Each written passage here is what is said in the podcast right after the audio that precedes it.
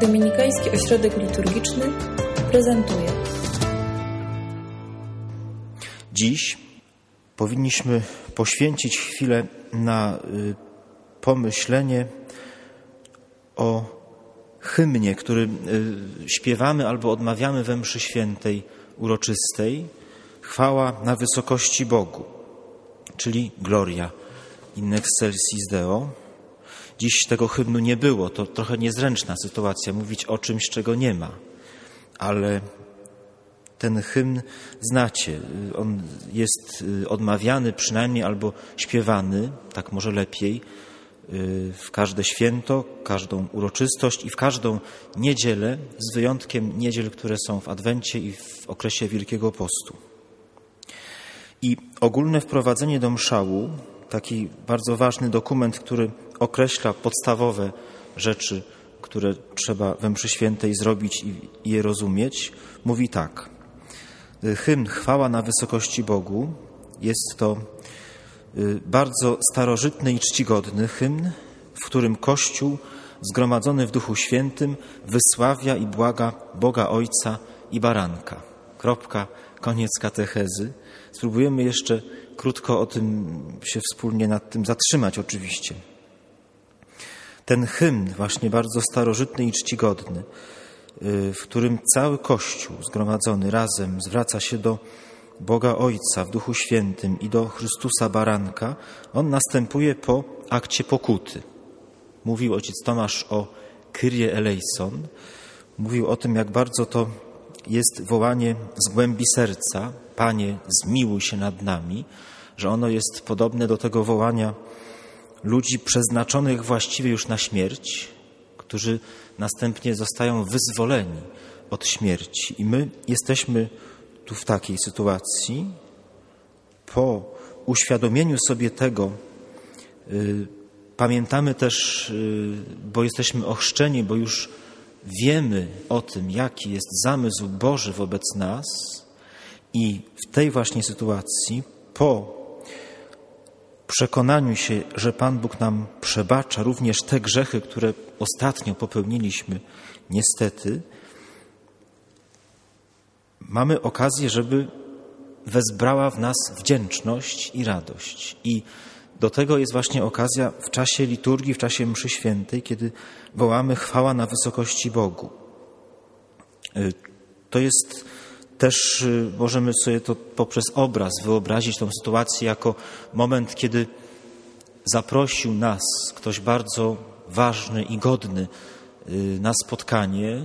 Jesteśmy już przy stole na uczcie i teraz, kiedy już ta uczta się rozpoczyna, już jest wszystko gotowe, to chcielibyśmy jakoś wyrazić naszą wdzięczność i radość wobec gospodarza. I któryś tutaj ze znanych kapłanów krakowskich nawet powiedział, że to jest trochę tak, jakbyśmy chcieli 100 lat zaśpiewać. I tak jest, tylko że to oczywiście, gdyby to było 100 lat, to byłoby to bardzo niewystarczające, bo 100 lat Panu Bogu zaśpiewać, który jest wieczny i do którego też czas należy, to byłoby trochę za mało. Nie mamy takich słów, które by mogły rzeczywiście w sposób adekwatny, odpowiedni wyrazić tą wdzięczność i tą radość, która w nas wzbiera, kiedy sobie uświadamiamy, jak wiele nam Pan Bóg przebaczył i jak wielki dar nam daje w Eucharystii. I tu przychodzą nam z pomocą aniołowie, bo pierwsze słowa y, hymnu, o którym mówimy, chwała na wysokości Bogu, to są słowa aniołów, te, które oni śpiewali, y, które słyszeli pasterze, Y, dowiadując się o tym, że narodził się właśnie Zbawiciel w Betlejem. I za chwilę tam pobiegną pasterze. Za chwilę wiedzeni też tą nadzieją, którą niesie śpiew aniołów, pójdą uczcić Syna Bożego w stajence betlejemskiej. No właśnie, pierwsze zdanie. Chwała Bogu na wysokościach, a na ziemi pokój ludziom dobrej woli. W Ewangelii to słowo, to zdanie kończy się takim bardziej dokładnym tłumaczeniem pokój ludziom Jego upodobania. Czy to znaczy, że to chodzi o jakąś mniejszą grupę ludzi niż tych ludzi dobrej woli, czy, czy większą? Chodzi tu o y, tak naprawdę każdego człowieka, który odkrywa, że jego dotyczy zamysł Boży. Bo to nie chodzi o to, że jest jedna grupa ludzi, którzy są dobrej woli i druga, którzy mają wolę złą. To, to jest nie, nieprawdziwe, niewłaściwe myślenie zupełnie. Chodzi o to, że Pan Bóg ma wobec nas pewien zamysł wynikający z Jego miłości, który jest opisany i którego my już doświadczamy w jakimś stopniu, może nie, nie do końca umiemy go doświadczyć.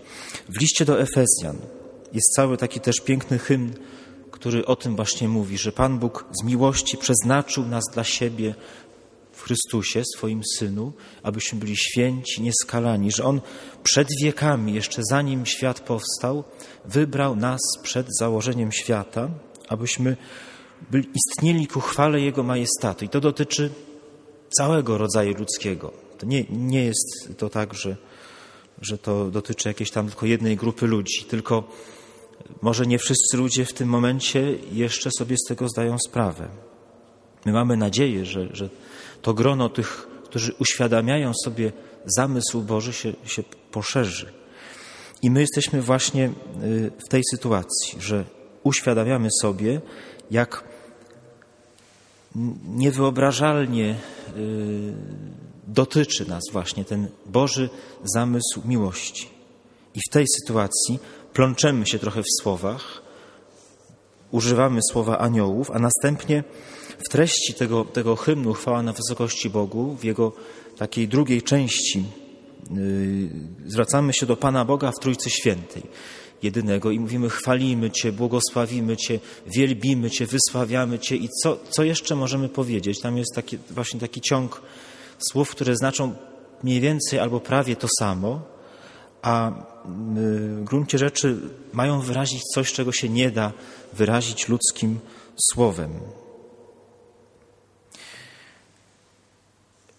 Idąc dalej w treści hymnu Chwała na wysokości Bogu, dochodzimy do jego zasadniczej części, yy, która jest ukierunkowana na Chrystusa, na Chrystusa Baranka.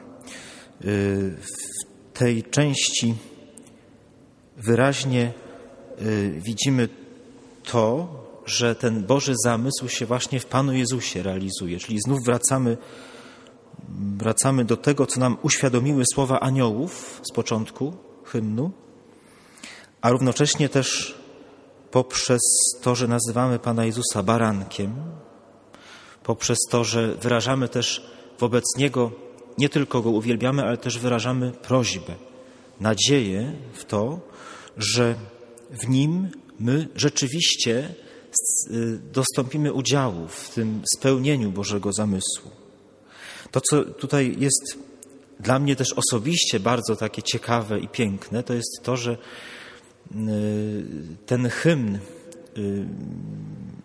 i w treści, i w takiej temperaturze y, emocjonalnej, którą może w nas wyzwolić bardziej bądź mniej, on nam uświadamia, że to ostatecznie to nie jest moje, to jest moje działanie, y, moja modlitwa, moje uwielbienie Pana Boga w tym sensie, że ja się decyduję włączyć w to dzieło, które podjął Chrystus.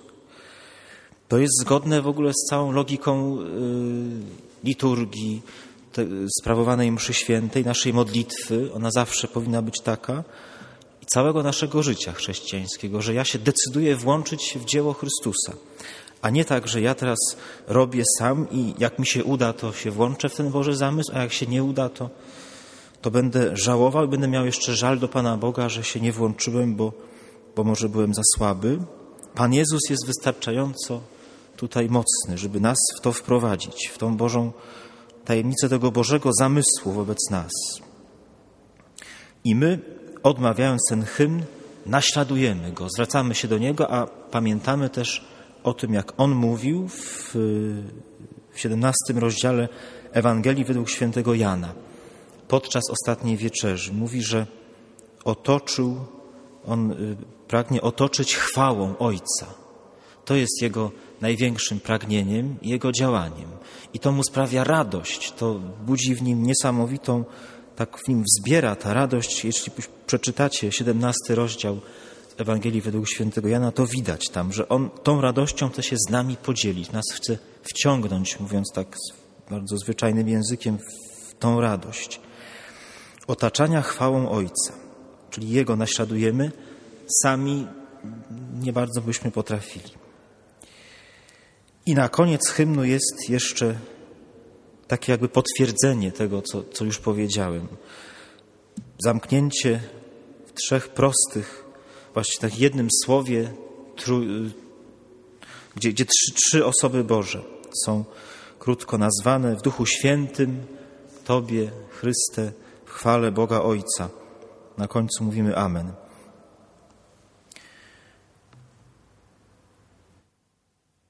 Treść można by oczywiście jeszcze analizować na pewno bardziej, można by jeszcze też powiedzieć kilka historycznych wiadomości, ale dla nas w uczestnictwie, co, co może być ważne? Uważam, że jest bardzo ważne, żeby wiedzieć, że niezależnie od tego, jak w danym dniu człowiek się czuje, albo jak jest w stanie y, odpowiedzieć so, tak y, po ludzku na mm, ten Boży zamysł miłości, no wiadomo, że ten hymn czasem jest bardziej radośnie śpiewany, czasami jest trochę jakby może nie do końca radośnie śpiewany, ale ważne jest to, że po pierwsze się włączamy tutaj w dzieło Pana Jezusa samego, a po drugie, że to jednak cały Kościół, niezależnie od tego, czy pojedyncze osoby akurat są smutne albo z jakiegoś powodu może są chore, może ktoś z powodu swoich grzechów zapomniał, jak się chwali Pana Boga, ale może się włączyć to chwalenie Go poprzez ofiarę przy świętej i mieć udział w tym wezbraniu radości i wdzięczności wobec Ojca, który wybrał nas przed wiekami, który posłał swojego Syna, który się narodził w Betlejem. Słowo Boże stało się ciałem właśnie po to, abyśmy my mieli pełny udział w życiu. Amen.